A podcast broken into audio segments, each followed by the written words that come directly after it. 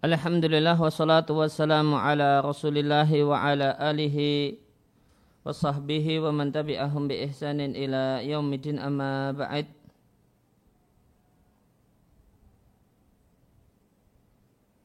kaum muslimin dan muslimah rahimani wa rahimakumullah.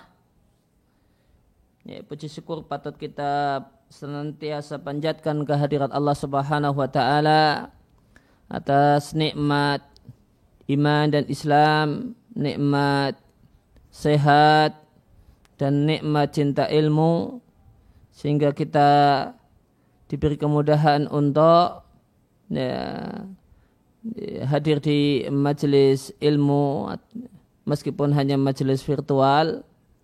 Dan ini adalah satu nikmat yang besar yang wajib untuk kita ya, yakini dan kita sadari adalah nikmat dan kita bersyukur kepada Allah karenanya supaya nikmat ini menjadi nikmat yang awet sehingga kita menjadi orang-orang yang cinta ilmu dan semangat untuk menuntut ilmu dan memuliakan orang-orang yang berilmu sampai akhir hayat kita. Kita lanjutkan uh, bahasan kita di membaca dan mentelaah sarah hadis Jibril fi ta'limiddin. Kita di halaman 42 di paragraf yang terakhir. Disampaikan oleh penulis hafizallahu taala wa aman na'imu sedangkan nikmat kubur. Maka terdapat dalam hadis bahasanya arwah syuhada ya, itu di ajwaf di perut burung hijau yang burung ini memiliki lentera-lentera yang digantung di arsh. Kemudian burung ini jalan-jalan minal jannati di surga haitsu sya'at di bagian mana saja dari surga yang dia inginkan dan dia kehendaki. Summa ta'wi kemudian dia akan kembali ilatil kal qanadil mendatangi lentera-lenteranya yang merupakan uh, tempatnya.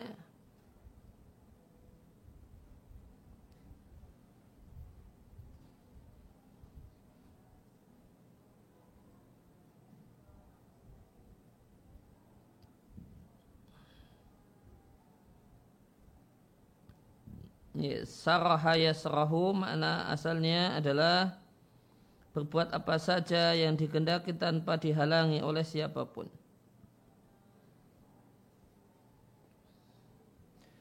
Demikian dalam hadis yang diatkan oleh Muslim dari Abdullah bin Mas'ud radhiallahu anhu. Namun Imam Ahmad dalam musnadnya meriatkan dari Al-Imam Musyafi'i dari Imam Malik. Ya, maka ada tiga ulama madhab. Ahmad dari Syafi'i dari Malik dari Ibnu Syihab Az-Zuhri dari Abdurrahman Ibn Ka'ab Ibn Malik dari ayahnya Nabi Shallallahu Alaihi Wasallam bersabda sesungguhnya nyawa orang yang beriman itu akan jadi burung yang dia akan bergelantungan di pohon-pohon surga sampai Allah tabaraka wa taala mengembalikannya ke badannya pada hari Allah membangkitkannya. Wa hadithun sahihun dan Ya, hadis ini hadis yang sahih. Di sanatnya terdapat tiga, uh, tiga imam dari empat imam madhab. Tiga imam yang merupakan dari empat imam yang merupakan pemilik mazhab yang terkenal yang seluruhnya adalah mazhab ahli sunnah.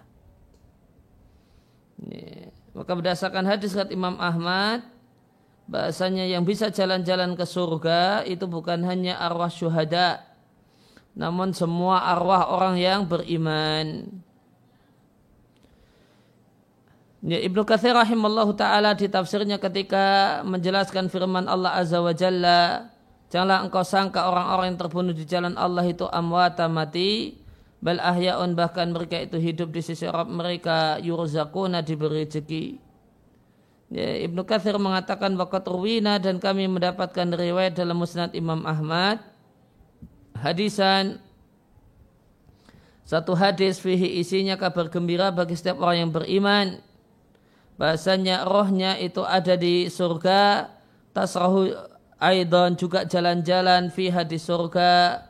Watak kulu dan makan dari buah-buah surga. Dan melihat mafiha isi surga berupa keindahan dan kebahagiaan. Dan menyaksikan apa yang telah Allah siapkan laha bagi orang yang beriman berupa kemuliaan Kata Ibnu Katsir wa isnadun wa huwa bi isnadin sahihin dan ini berdasarkan sanad yang sahih azizin azimin sanad yang mulia dan sang sanad yang agung. Ini di antara sisi keagungannya karena terkumpul padanya tiga dari empat imam madhab yang diikuti oleh kaum muslimin.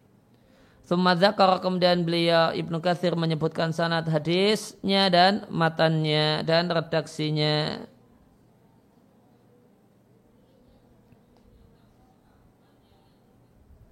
Ya, maka di sini kita jumpai uh, dikru afradil am ya, disebutkannya salah satu anggota umum dengan hukum yang sama dengan hukum umum dan ini la yufidu taksis dan ini tidak menghasilkan pengkhususan menurut kaidah yang dianut oleh mayoritas para ulama.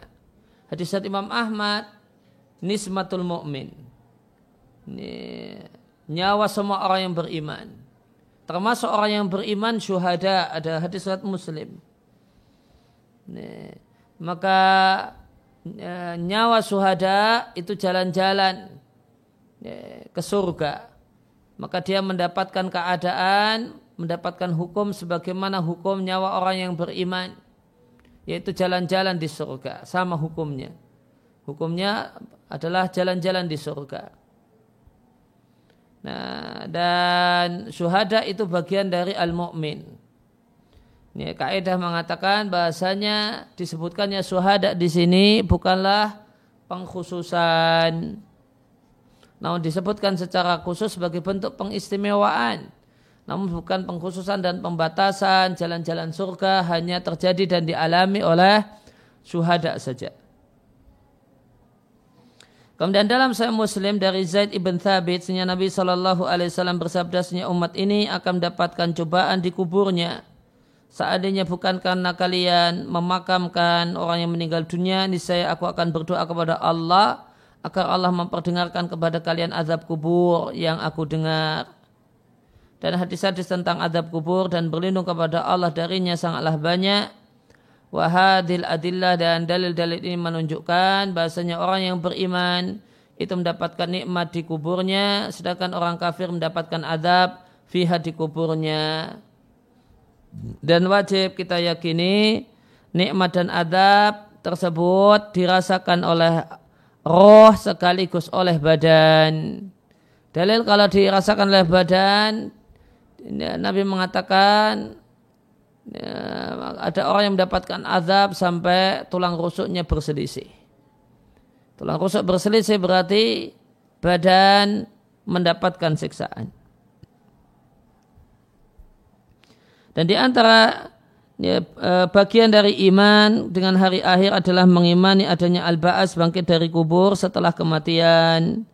Sebagaimana firman Allah Azza wa Jalla wa nufikha fi suri dan ditiuplah sangkakala, ditiuplah trompet, fasa'iqa maka matilah semua makhluk yang ada di langit dan di bumi illa man Allah kecuali yang Allah kehendaki.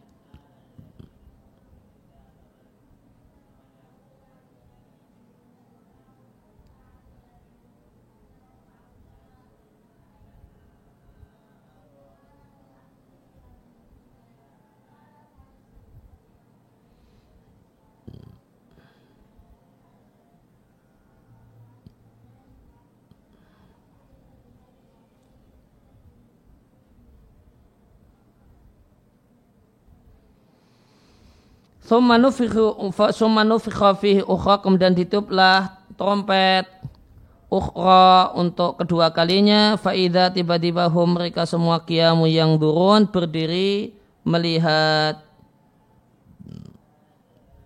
Saya ingin bacakan tafsirnya surat ini atau ayat ini. Ini surat Az-Zumar ayat yang ke-68. Ya, Ibnu Katsir rahimahullah taala mengatakan Allah taala berfirman mengkabarkan ngerinya hari kiamat dan berbagai macam ayat yang agung yang terjadi pada hari kiamat dan kegoncangan yang mengerikan. Wa nufra fi suri fasaika man samawati wa man fil ardi ila man Allah wa hadin nafkhah tiupan ini adalah tiupan yang kedua itulah tiupan kematian. Ya mutu biha mati karena tiupan ini. Al ahya orang-orang yang makhluk yang hidup dari penduduk langit dan bumi kecuali makhluk-makhluk yang Allah kehendaki. Kama huwa musarahun sebagaimana ditegaskan mufassaran secara jelas di hadis sur di hadis trompet yang terkenal. Thumma yuqbadu arwahul baqin kemudian dicabutlah nyawa makhluk-makhluk yang tersisa arwahnya hatta yakuna akhiru man yamutu sehingga makhluk yang terakhir mati adalah malaikat kematian dan bersendirianlah Allah zat yang hidup al-qayyum alladzi kana awalan wa huwal baqi akhiran bidaimu mati wal baqai ya.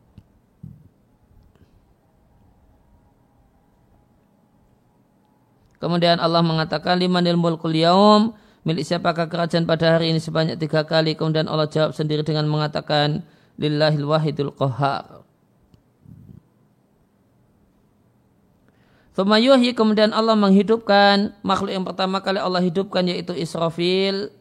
Dan Allah perintahkan Israfil untuk meniup trompet kedua kalinya. Inilah tiupan yang ketiga tiupan bangkit dari kubur maka pendapat ulama berselisih pendapat tiupan trompet pada hari kiamat itu dua ataukah tiga kali ya, di sini kita jumpai ya, pendapat Ibnu Katsir ya, tiupan itu tiga kali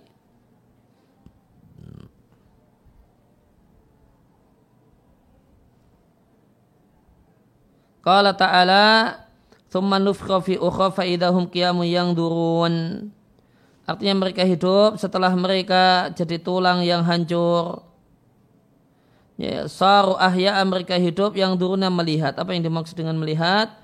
Kata Ibnu Katsir yang duruna ila ahwali yaumil qiyamah. Melihat hal-hal yang mengerikan, kengerian pada hari kiamat.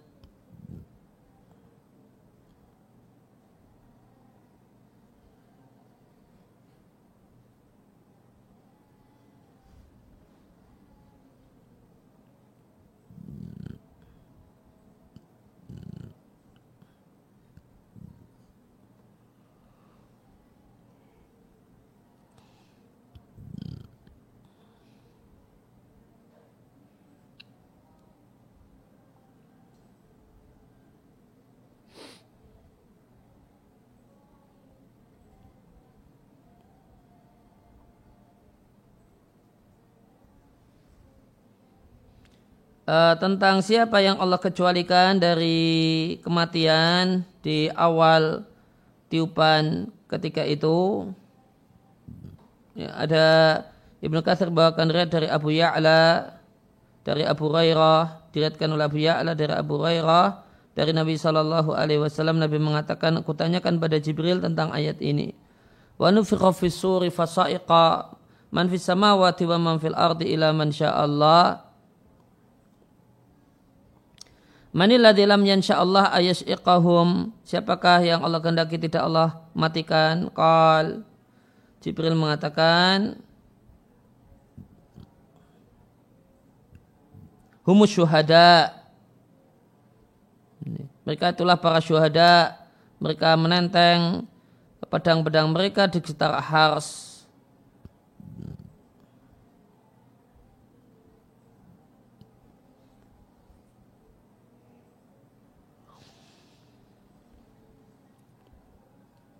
Ya, maka di riat ini dikatakan itu adalah arwahnya suhada.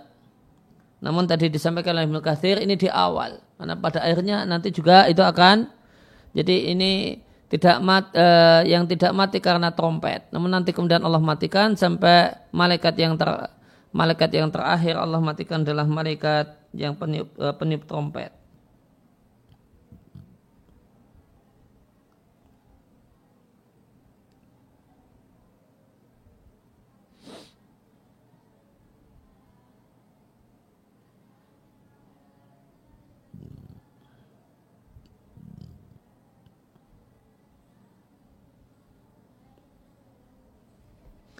Ya, maka tadi rakyatnya mengatakan yang dikecualikan adalah syuhada. Kalau di tafsir Ibnu Sa'di, ila masya Allah, ya, kecuali makhluk yang Allah kehendaki itu orang yang Allah teguhkan ya, pada saat tiupan sehingga tidak mati kasyuhada seperti syuhada au ba'dihim atau sebagian syuhada dan yang lain.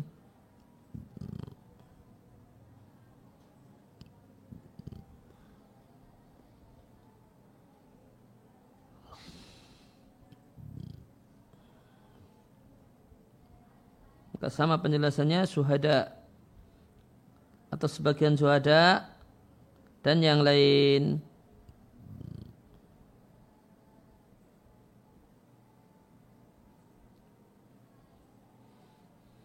Kalau di tafsir Barawi mereka berselisih pendapat tentang siapakah orang yang Allah kecualikan waqad dzakarnahu fi suratin Namal telah dibahas oleh Barawi di surat An-Namal qala Al-Hasan namun ada satu hal yang unik tafsiran dari Al Hasan Al Basri illa man Allah ya'nillaha kecuali yang Allah kehendaki. Jadi kata Al Hasan ya Allah itu sendiri.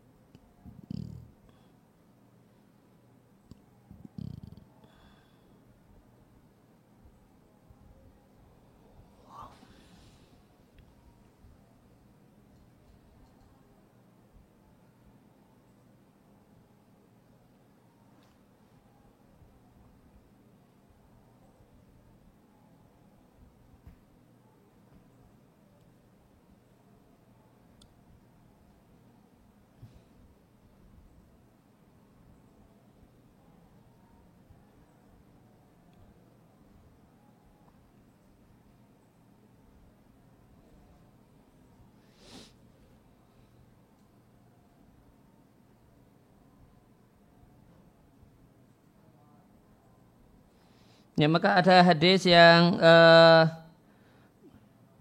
penjelasan yang lain uh, tentang fasaiqa man fis samawati wa fil ardi ila man Allah qal Jibril wa Mikail wa hamalatul hars wa malakul maut. Dan Israfil uh, malakul maut wa Israfil. Maka berdasarkan hadis ini yang terakhir mati adalah Jibril alaihi wassalam.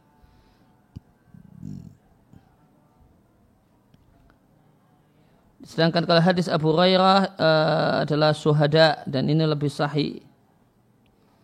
Ad-Dahak mengatakan yang dikecualikan dalam malaikat Ridwan, Walhur dan Bidadari dan uh, dan malaikat Malik, ya, penjaga neraka dan malaikat Zabaniyah.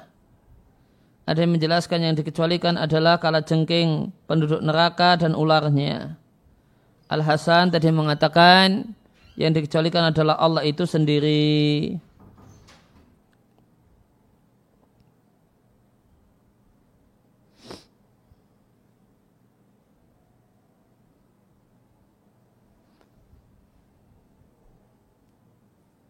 Ya, maka kecuali yang Allah kecualikan adalah suhada, demikian juga sejumlah makhluk yang lain yang Allah kecualikan di antaranya sebagian malaikat atau ada yang menjelaskan bidadari dan uh, ularnya, ularnya neraka dan sebagainya. Kemudian kembali ke buku Za'amal ladina kafaru Orang-orang kafir beranggapan bahasanya mereka tidak akan dibangkitkan. Kulbala, katakanlah bahkan demi Robku sungguh kalian akan dibangkitkan Thumma kemudian akan dikabarkan apa yang kalian lakukan dan demikian itu mudah bagi Allah. Dalika di ayat yang lain dalika bi annallahu al hal itu dikarenakan Allah adalah zat yang yang hak, yang benar, yang berhak untuk disembah dan sunnah Allah menghidupkan orang yang telah mati dan sunnah Allah Maha Kuasa atas segala sesuatu. Wa anna sa'ata dan bahasanya kiamat itu atiyatun pasti datang, tidak ada keraguan padanya. Wa anna allaha yab'athu man fil kubur dan sesungguhnya Allah itu yab'athu akan membangkitkan man fil kubur orang yang ada di kubur. Kemudian ada faedah yang menarik. Selanjutnya dikatakan oleh eh, penulis Wa fi hadil ayati an-nasu maka dalam ayat terdapat nas ala ba'thi mang fil kubur. Ya, dibangkitkannya man orang yang fil kubur ada di kubur. Kenapa disebut man fil kubur? Li anal ghaliba ala nasi anahum yudfanuna fil kubur. Ya, maka ini mimbabil ghalib ya ba'athu mang fil kubur ini ya, adalah mimbabil ghalib di anal ghaliba karena umumnya orang ketika mereka mati annahum yudfanuna fil kubur dimakamkan di dalam kubur. Wal ba'su yakunu likuli man mata dan bangkit itu akan terjadi likuli man mata pada semua orang yang meninggal dunia. Kubira aulam yukbar. Baik dia dikubur ataukah tidak dikubur. Ya, dalil hal ini bahasanya ba'as itu akan dialami oleh semua orang yang meninggal dunia baik dikubur ataukah tidak dikubur sehingga ya ba'asu mang fil kubur itu mimbabil ghalib. Dalilnya adalah firman Allah di ayat yang lain di halaman 44 wa aqsamu bilai jahda aimanihim mereka bersumpah dengan nama Allah dengan betul-betul serius bersumpah. La ya ba'asullahu man yamut. Allah tidak akan mematikan tidak akan membangkitkan orang yang sudah mati. Bala wa'dan alai haqqa. Bahkan Allah akan membangkitkan orang yang sudah mati. Wa'dan alaihi haqqa. Itu janji alaihi yang Allah janjikan pada dirinya sendiri. Satu hal yang benar adanya. Akan tetapi mayoritas manusia tidak mengetahuinya. Maka bala balanya kembali kepada Ya, bahkan Allah akan membangkitkan man yamut. Maka kalau berdasarkan ayat ini ya, ditegaskan bahasanya bangkit itu tidak hanya man fil kubur. Namun ya ba'asu man yamut. Ya, Allah akan bangkitkan semua yang mati. Sehingga ayat ini dalil, ya, ini faidah, ayat ini dalil bahasanya yang dimaksud dengan mangfil kubur adalah man yamut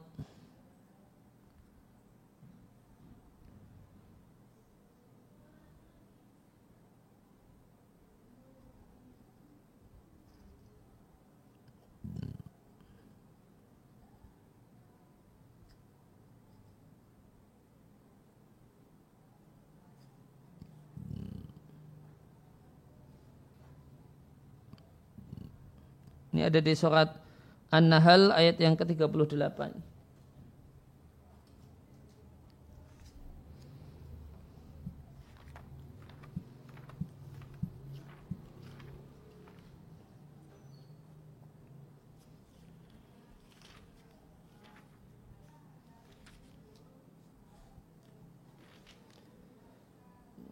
Ya di Al-Mukhtasar fi Tafsir maka mereka-mereka orang yang mendustakan bangkit dari kubur bersumpah. Mubalighina fi halifihim. Ya sungguh-sungguh dalam sumpahnya. Jahidina fihi. Ya bersungguh-sungguh dengan sumpahnya dan menegaskan sumpahnya. Bahasanya Allah tidak akan membangkitkan man yamut. Orang yang sudah mati. Yang mereka bersumpah tanpa mereka memiliki argumen untuk itu. Kemudian Allah jawab, bala saya ba'asullahu kullaman yamut. Itu demikian makna makna bala di sini. Ya. Bahkan Allah akan membangkitkan semua yang mati. Wa'dan alaihi haqqa satu janji yang Allah janjikan atas dirinya dan hakkan satu hal yang benar adanya akan tetapi mayoritas manusia tidak mengetahui bahasanya Allah akan membangkitkan orang-orang yang sudah mati sehingga mereka mengingkari al-ba'as hari berbangkit. Ya, maka ya ba'asu man yamut. Ya, ini anak hal ini penjelas untuk uh, ya anak 38 ini penjelas untuk uh, ayat yang sebelumnya tadi kita baca. Ya ba'asu man fil kubur. Selanjutnya dan kubur Nabi kita Muhammad Sallallahu Alaihi Wasallam adalah kubur pertama yang terbelah an sahibihi sehingga de, de, terbelah untuk penghuninya supaya keluar. Ingdal ba'asi ketika ba'as bangkit dari kubur. Mengingat sabda Nabi Sallallahu Alaihi Wasallam, saya adalah Sayyid, pemimpin atau yang paling mulia dari anak keturunan Adam pada hari kiamat.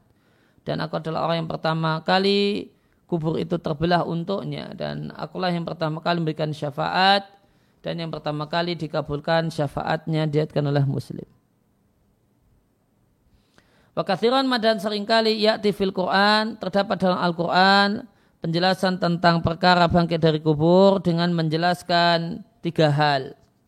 Ini tiga alasan yang paling banyak disampaikan oleh Al-Quran tentang ya, tentang ya, bahasanya ya, kiamat itu satu hal yang pasti terjadi dan eh, minimal uh, mungkin terjadi bahkan pasti terjadi. Yang pertama Allah ingatkan bi khalqil insan penciptaan manusia pertama kalinya.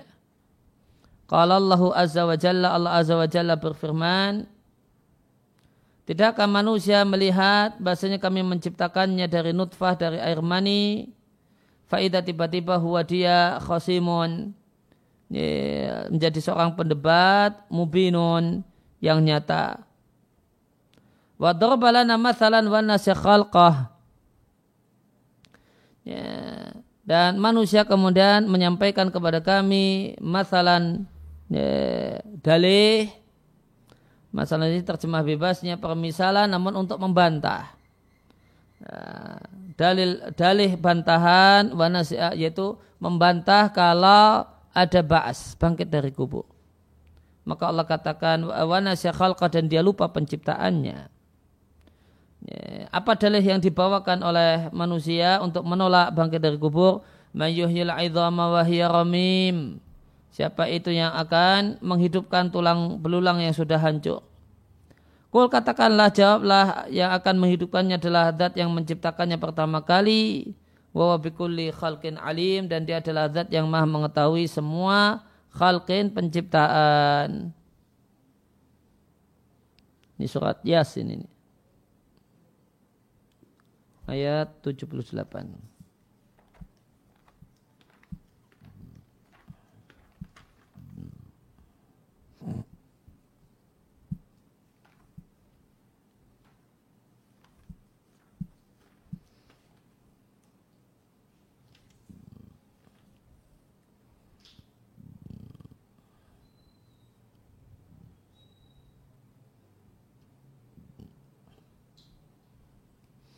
Ya, awalam yaral insanu yara di al-mukhtasar fit, tafsir dimaknai dengan yufakir.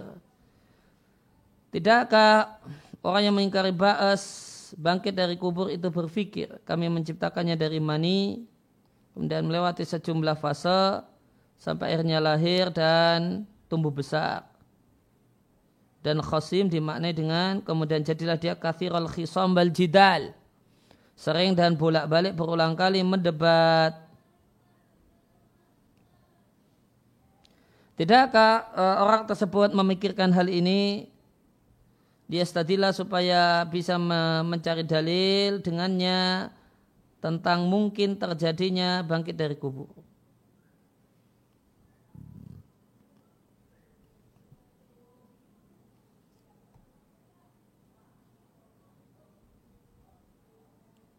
Ya orang kafir ini lalai dan tidak tahu ketika dia berdalil dengan tulang yang hancur untuk memustahilkan bangkit dari kubur.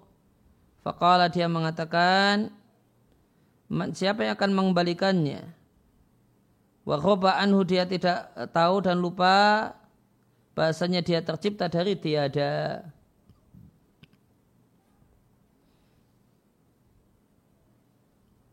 itu maka masalah itu uh, apa dalih beralasan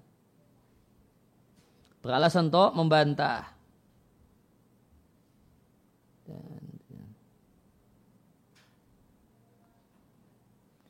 Kemudian di ayat 79 sampaikan walai Muhammad berikan jawaban kepadanya yang akan menghidupkan tulang belulang yang hancur itu adalah yang menciptakannya pertama kali. Karena siapa yang menciptakannya pertama kali tentu tidaklah mungkin dia tidak mampu mengembalikan kehidupan padanya. Dan Allah itu maha mengetahui makhluknya, tidak ada satupun yang tidak Allah ketahui.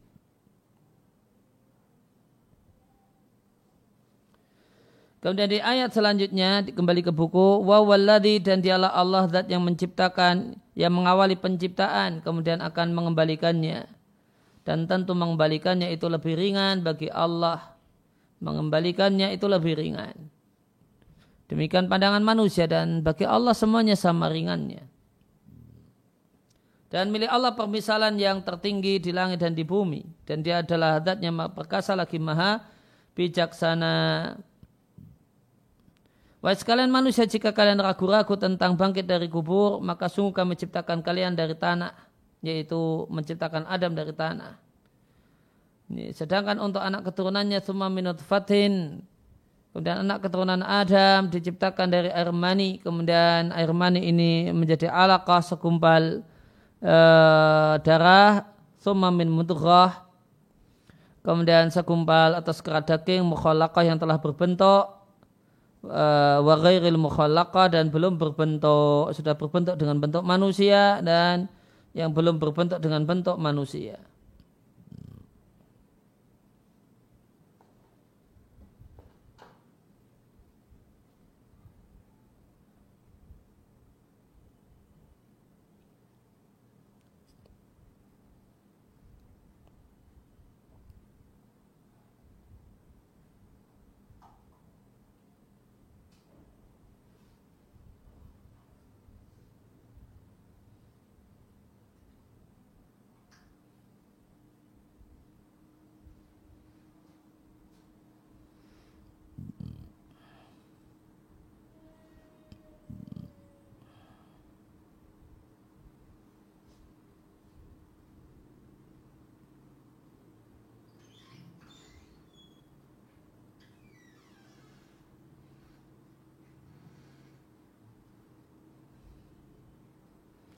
Surat Al-Hajj ayat yang kelima.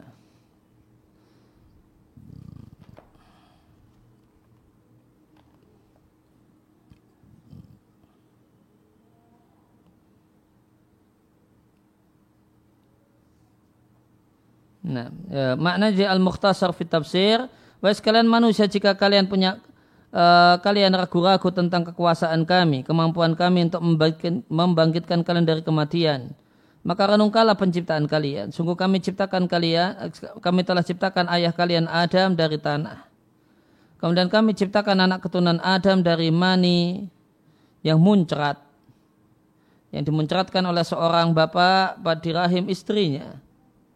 Kemudian air mani tersebut berubah menjadi darah yang beku. Kemudian darah yang beku ini berubah menjadi potongan daging yang serupa dan mirip dengan potongan daging yang dikunyah. Kemudian potongan daging ini berubah imma boleh jadi ila khalqin sawiyin makhluk manusia yang sempurna yang bertahan di rahim sampai keluar lahir dalam keadaan hidup wa imma dan boleh jadi berubah menjadi khalqin makhluk yang tidak sempurna kemudian gugur dari dan mengalami keguguran Linubayina lakum supaya kami jelaskan pada kalian kuasa kami untuk menciptakan kalian atau wara melalui beberapa fase. Ya, maka mukhalaqah sama ghairi mukhalaqah itu uh, rincian. Bahasanya tidak semuanya lahir uh, sempurna, lahir ya, sebagai bayi ada yang mengalami keguguran. Itu yang ghairi mukhalaqah.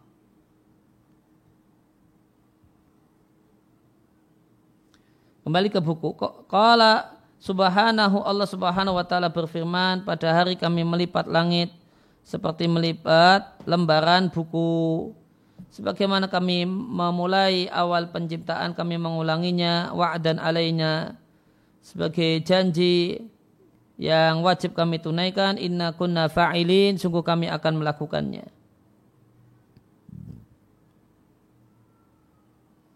Waqal dan Allah Ta'ala mengatakan afa'ayina bil khalqil awal. Apakah kami kesusahan, kecapean untuk penciptaan yang pertama? Bahkan mereka itu dalam kerancuan min khalqin jadid untuk penciptaan yang baru.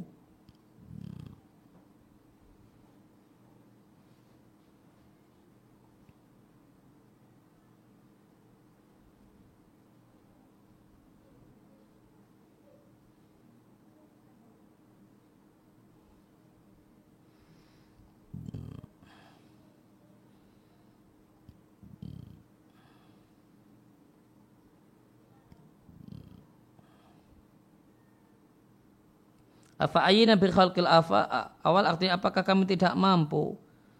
Bil khalqil awal ibtida'il khalqi memulai penciptaan.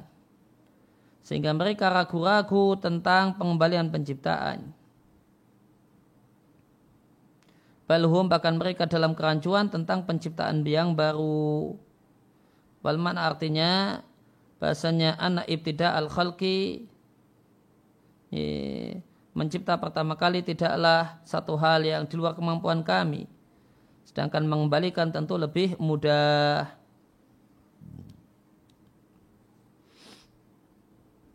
Kemudian kembali ke buku Allah Ta'ala Allah Ta'ala berfirman Ayat sabul insanu ayat roka sudah Apakah manusia mengira dia dibiarkan sia-sia Kata Alimah Musyafi'i di kitabnya Arisalah sudah maknanya la yu'mar wa la yunha. Tidak mendapatkan perintah dan larangan. Bebas seenaknya, suka-suka.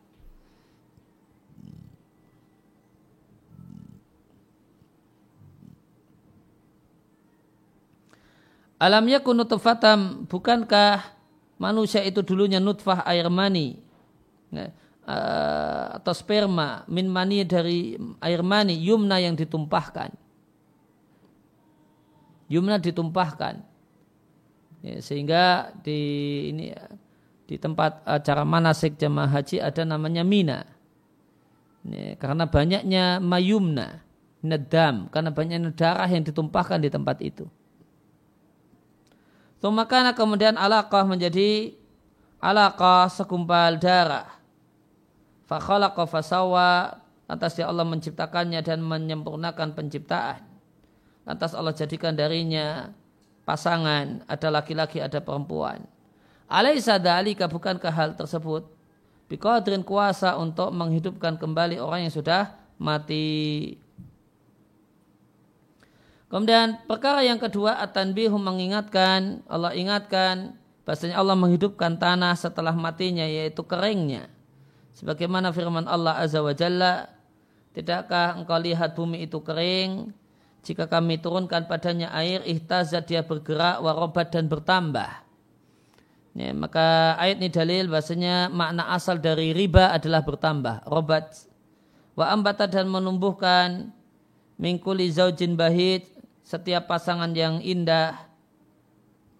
Dari hal itu bi'anallahu wal haq karena Allah adalah sesembahan yang berantuk disembah dia menghidupkan orang-orang yang sudah mati. Wa annahu ala kulli syai'in qadir.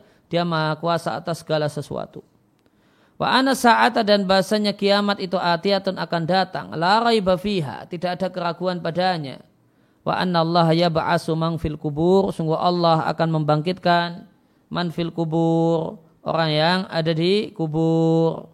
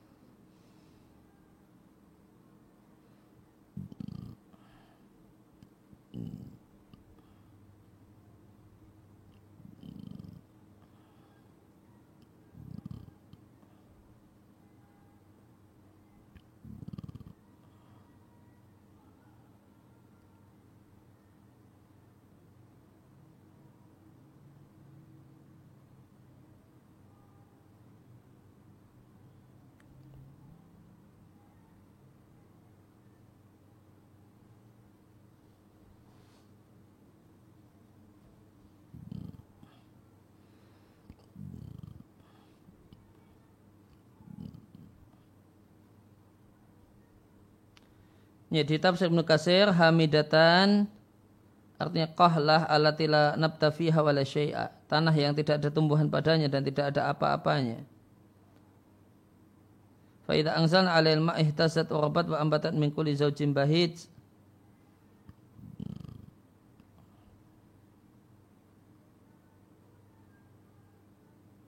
Wa rabat ay irtafa'at naik lima sakana fiha athara karena e, tenang padanya tanah thumma ambatat ma fiha minal alwan wal funun. Kemudian menumbuhkan semua apa yang ada di dalamnya berupa berbagai war macam warna. Mingkuli zaujin bahid ay, bahid artinya hasanil mangdar tibirihi di tafsir Ibnu Katsir. Bahid maknanya adalah e, enak dipandang dan harum baunya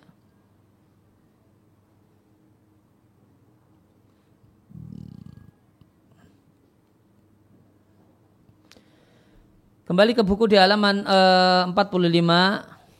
Qala subhanahu Allah subhanahu wa ta'ala berfirman dan di antara tanda kekuasaan Allah engkau melihat bumi khasyiatan hina maksudnya mati ya, yaitu kering faida anzalna alihal ma maka jika kami turunkan air padanya itu air hujan ihtazat bergerak warobat dan bertambah Sebenarnya zat yang menghidupkan tanah lamuhyil mauta sungguh dia akan menghidupkan orang-orang yang sudah mati.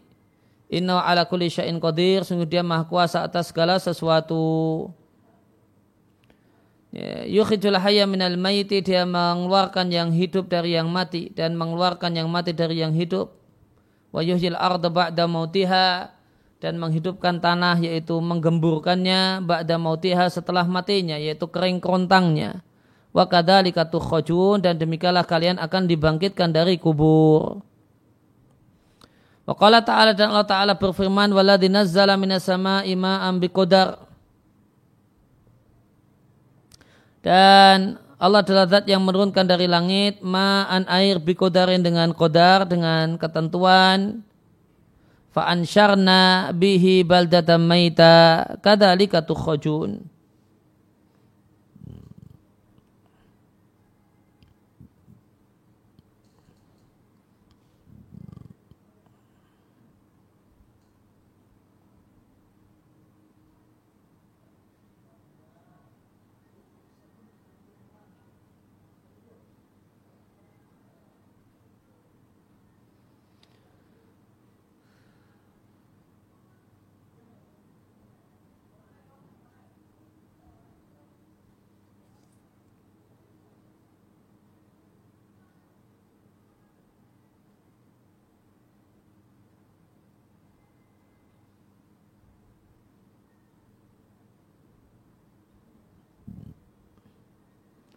Ini ada di surat Zuhruf ayat yang ke-11.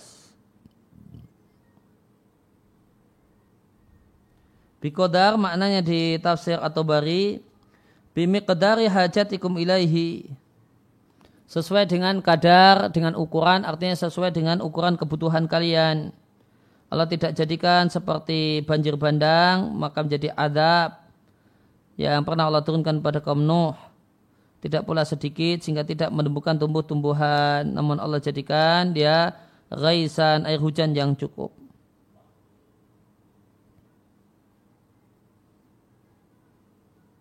Fa'ansharna bihi baldatan maita. Artinya fa'ansharna fa'ahyayna bihi. Dengan air hujan itu kami hidupkan tanah yang mati yaitu yang kering tidak ada tumbuhan padanya. Kadzalika tukhajun demikianlah kalian akan dikeluarkan dan dibangkitkan dari kubur. Kemudian ke, uh, ayat selanjutnya wa nazzalna minas sama ima'am mubaraka dan kami telah turunkan dari sama dari mendung air yang penuh berkah.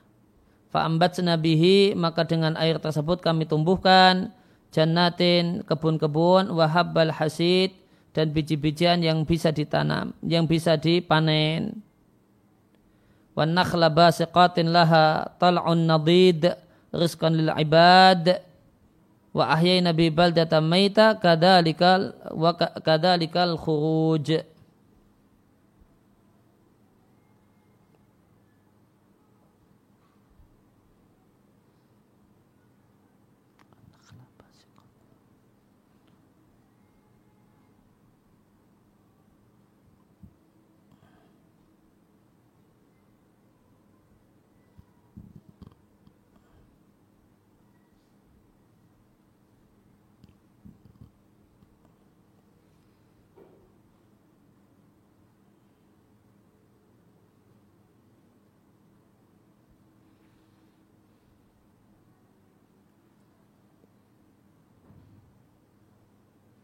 Surat Qaf ya, surat Qaf ayat 10.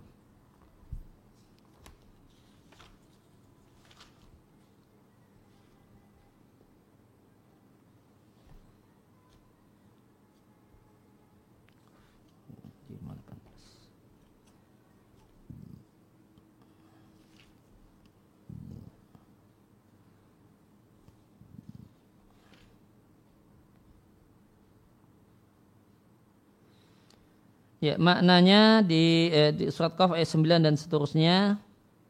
Saya bacakan maknanya di uh, Al-Muqtasar fi Tafsir. Di ayat yang ke-9 kami turunkan dari mendung air yang banyak manfaatnya dan banyak kebaikannya. Kami tumbuhkan dengan air tersebut kebun-kebun. Kami tumbuhkan ya, sesuatu yang bisa kalian panen berupa biji syair, biji gandum dan yang lain. Wahabal hasid ya, biji-bijian yang bisa dipanen. Dan kami tumbuhkan bi dengan air an-nakhla, pohon korma, tiwalan aliyat yang tinggi aliyat yang tinggi maka basiqat itu maknanya tinggi laha tal'un nadid laha tal'un mutara kibun ba'dua fawqa ba'din memiliki mayang yang di situ ada buah-buahnya bertumpuk-tumpuk satu di atas yang lainnya. Rizqan lil ibad kami tumbuhkan apa yang kami tumbuhkan sebagai rezeki bagi para hamba yang mereka makan sebagian darinya. Dan kami hidupkan dengannya ya, tanah yang tidak ada tumbuh-tumbuhan padanya.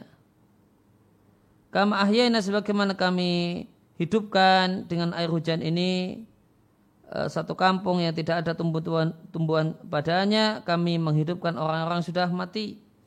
Lantas mereka keluar dalam keadaan adalah orang-orang yang hidup.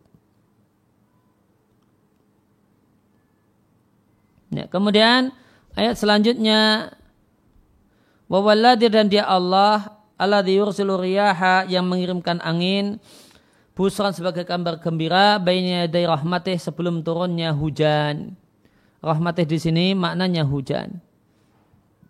Maka di sini kita jumpai bahasanya rahmat Allah itu ada dua macam, ada rahmat yang merupakan sifat dan dia bukan makhluk. Kemudian ada rahmat Allah yang merupakan rahmat Allah yang statusnya dalam makhluk. Contohnya hujan disebut dengan rahmat Allah. Hatta sehingga idza aqallat sahabang thiqala. Nah,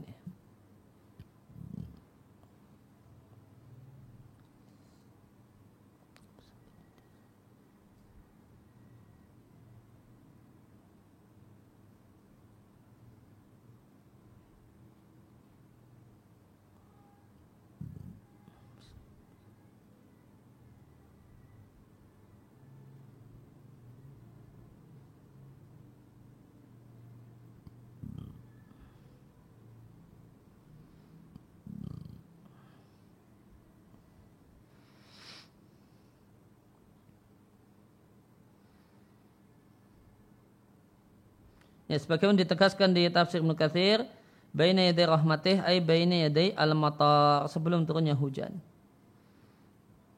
Hatta idza aqalat sahabang thiqala aqalat maknanya di tafsir Ibnu Katsir hamalat ariyahu aqalat kembali ke angin hatta sehingga apabila angin itu hamalat membawa sahabang thiqala ay mendung yang berat ai min kathrati ma fiha minal ma. Karena banyaknya air yang ada di dalamnya. Takunu sakilatan maka mendung tersebut berat dekat dengan tanah.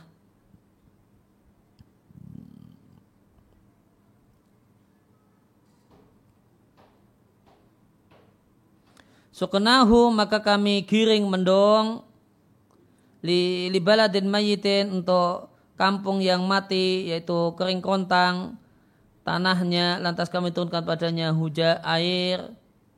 Lantas kami keluarkan dengan sebab air ini mengkulit samarat berbagai macam hasil pertanian. Kadzalika nukhrijul mauta demikianlah kami mengeluarkan orang yang sudah mati. La'alakum tadakkarun supaya kalian mengambil pelajaran.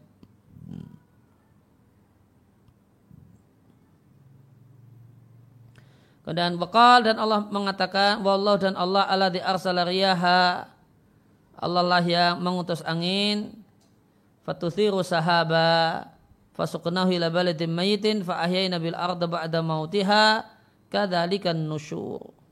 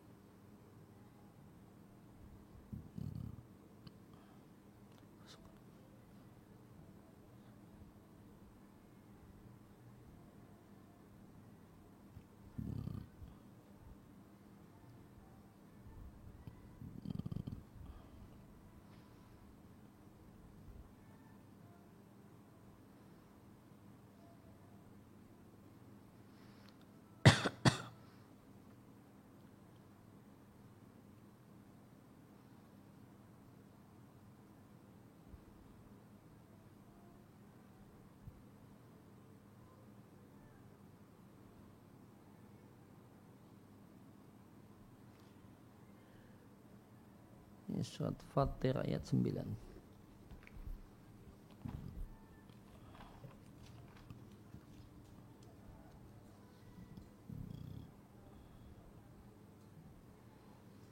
Ya, uh, tentang maknanya saya bacakan di Al-Mukhtasar fi Tafsir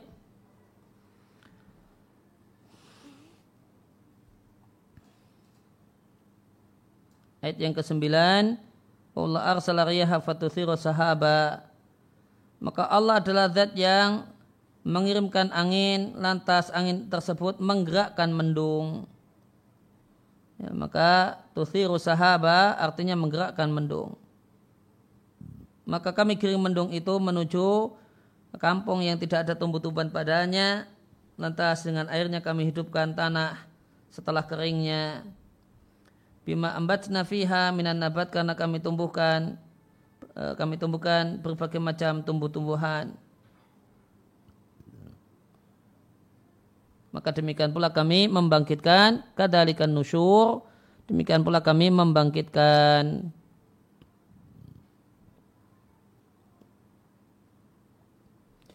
Kemudian yang ketiga atan bi khalqi samawati wal ard. Dalil yang lain yang Allah bawakan tiga jenis dalil yang Allah bawakan kepada orang-orang kafir jeliyah yang menolak Eh, bangkit dari kubur, keyakinan bangkit dari kubur. Dalil yang ketiga yang Allah bawakan adalah atanbi Allah ingatkan penciptaan langit dan bumi. Yang itu jauh lebih besar daripada, daripada penciptaan manusia. Qala Allahu Azza wa Jalla Allah Azza wa Jalla berfirman, sungguh penciptaan langit dan bumi lebih besar daripada penciptaan manusia. Akan tapi mayoritas manusia tidak mengetahuinya. Awalam tidakkah ya mereka melihat dan meyakin dan mengetahui bahasanya Allah adalah zat yang menciptakan langit dan bumi. Dan Allah tidaklah ya, tidak mampu untuk menciptakan langit dan bumi. Tentukah e, tentu zat ini adalah biqadrin mampu untuk menghidupkan orang yang sudah mati? Bala, betul. Inna ala kulli syai'in qadir, sungguh dia maha kuasa atas segala sesuatu. Wa ta'ala dan Allah ta'ala berfirman, awalaysa alladhi khalaqas samawati wal arda Bukankah zat yang menciptakan langit dan bumi itu mampu untuk menciptakan simsal mereka? Bala betul, wahwal khalaqul alim. Dia adalah zat yang maha pencipta, lagi zat yang maha mengetahui. Wakala ta'ala dan Allah ta'ala berfirman, awalam yarau, tidakkah mereka melihat bahasanya Allah adalah zat yang menciptakan langit dan bumi itu qadirun kuasa untuk menciptakan semisal mereka. Wa ja'ala lahum dan Allah jadikan lahum bagi mereka ajalan ajal la raiba yang tidak ada keraguan padanya. Fa'abad zalimuna namun orang-orang yang zalim itu enggan illa kufura kecuali memilih kekafiran dan ingkar. Dan firman Allah Ta'ala, A'angtum asyadu khalqan amis sama, apakah kalian itu lebih sulit diciptakan ataukah langit? Banaha, Allah membangun langit, al-ayat dan masih banyak ayat-ayat yang lainnya. Ya, halaman 46. Kemudian satu hal yang wajib kita yakini bahasanya al-ba'as ba'as pada hari kiamat itu dengan mengembalikan raga alatikanat fit dunia yang dulu ada di dunia untuk berjumpa dengan arwah untuk kemudian e, bersama arwah berjumpa dengan bersama rohnya untuk menjumpai pahala dan hukuman maka bangkit dari kubur itu bukan berjumpa dengan jasad yang baru yang belum ada ketika di dunia dan inilah yang di, dianggap jauh dan mustahil oleh orang-orang kafir dan mereka ingkari. Bahasanya badan yang dulu akan kembali dihadirkan. Allah Azza wa Jalla berfirman, bahkan mereka heran, datang pada mereka pemberi peringatan dari mereka, lantas orang-orang kafir mengatakan ini sesuatu yang mengherankan. Apakah jika kami telah meninggal dunia dan kami telah jadi debu, dari raja'un ba'id itu adalah pengembalian yang jauh dan mustahil. Waqad alimna sungguh kami telah mengetahui ma tangkusul ardu minhum wa indana kitabun hafid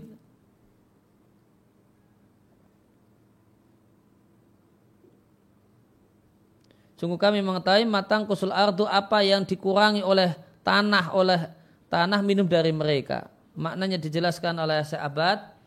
Fabayana maka Allah jelaskan bahasanya Allah mengetahui ya, semua bagian kecil dari bagian-bagian kecil badannya yang dikurangi oleh tanah, yang diambil oleh tanah sehingga makin lama makin habis. Fayu'iduha lantas Allah akan kembalikan sebagaimana dulunya. Fayaba'asu dalikal mayita maka Allah akan bangkitkan mayit tersebut dengan jasadnya. Aladikana alaih yang dulu ada fidunya di dunia. Wa ingdana dan di sisi kami kitabun hafid catatan yang menjaga yaitu Allah Allah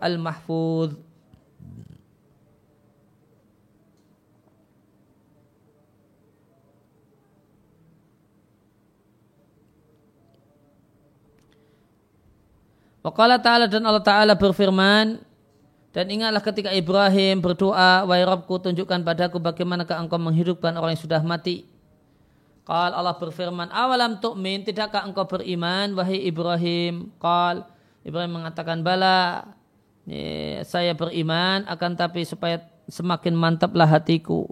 Kalau Allah katakan ambillah empat ekor burung kemudian surhunna ilaika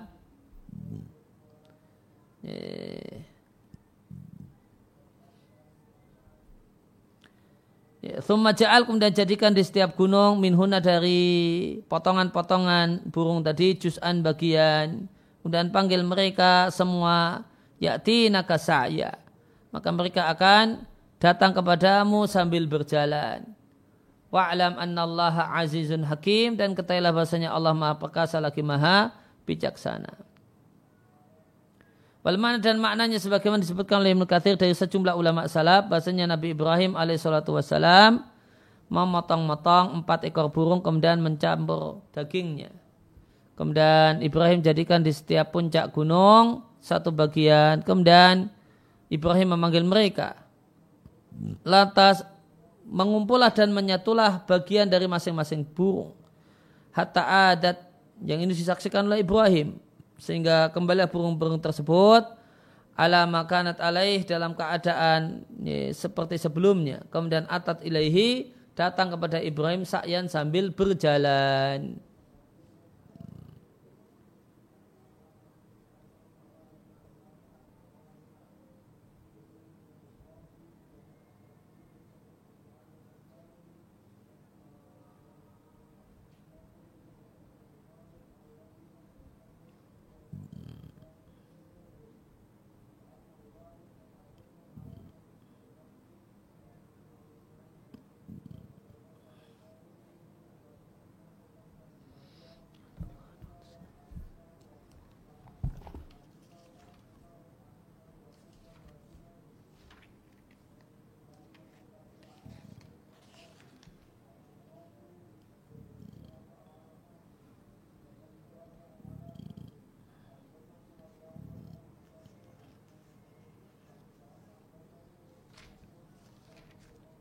Al-Baqarah 260.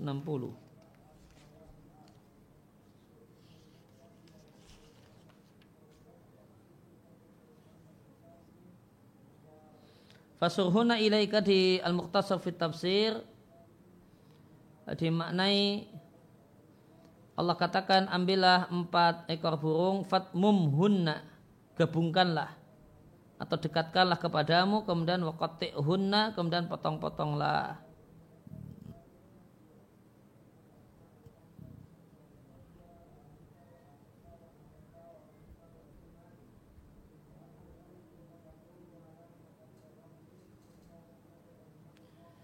Kemudian panggillah burung-burung tersebut yakti maka dia akan datang mereka datang kepada Musa yang sambil jalan cepat musriat ya, sambil jalan cepat. Qad adat ilaihinnal al kehidupan telah kembali kepada burung-burung tersebut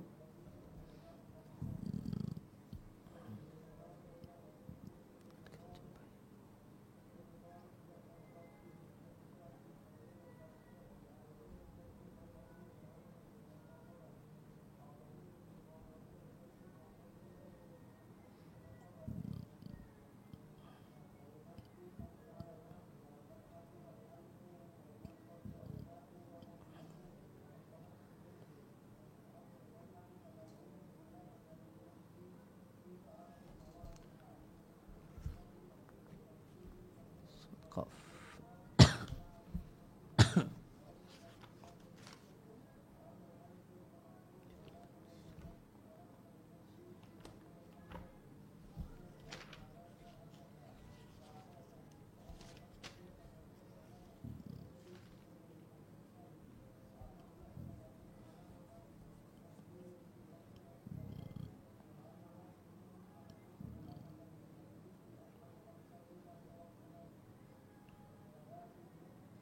Ya, aida tentang ayat uh, aida mitna wa kunna turaba surat Qaf ayat yang ketiga. Maknanya di Al-Mukhtasar fi Tafsir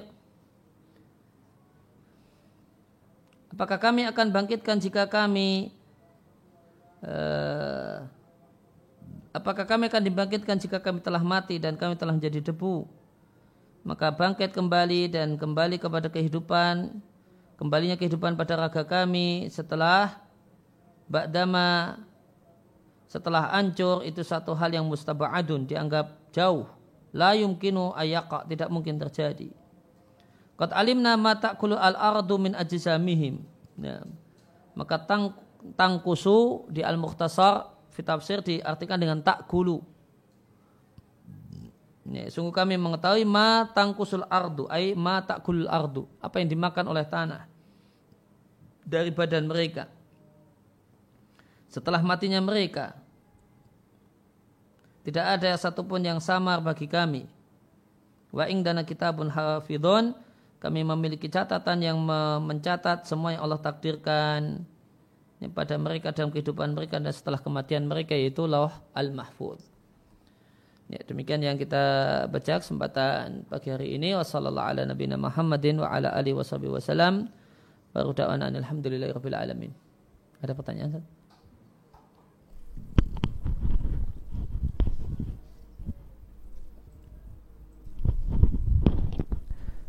Baik Ustaz, uh, ada pertanyaan. Assalamualaikum Ustaz. Waalaikum. Apa Ustaz, bagaimana penjelasan untuk manusia akan dibangkitkan pada hari kiamat kelak sebagaimana tanah yang menjadi hidup dengan air di dunia? Uh, maksudnya Allah berdalil dengan kias, dengan analog. Bukankah Allah mampu menghidupkan tanah yang mati. Ya, tanah yang mati maksudnya tanah kering kerontang, hidup itu tumbuhnya tumbuh-tumbuhan. Maka jika Allah itu mampu, maka demikian juga Allah mampu menghidupkan orang yang sudah mati. Nah. Baik Ustaz, uh, pertanyaan kedua Ustaz, Ahsanallahu Ustaz. Waalaikum. Apakah di hari kiamat nanti orang yang beriman kepada Allah dapat melihat Allah secara hakiki. Jazakumullah khairan. Iya demikian keyakinan yang benar, keyakinan ahlu sunnah. Orang yang beriman akan melihat Allah ya, di surganya nanti dan intensitas melihat Allah itu berbanding lurus dengan kualitas imannya. Nah, subhanakallahumma wa bihamdika asyhadu an la ilaha illa anta astaghfiruka wa atubu ilaik.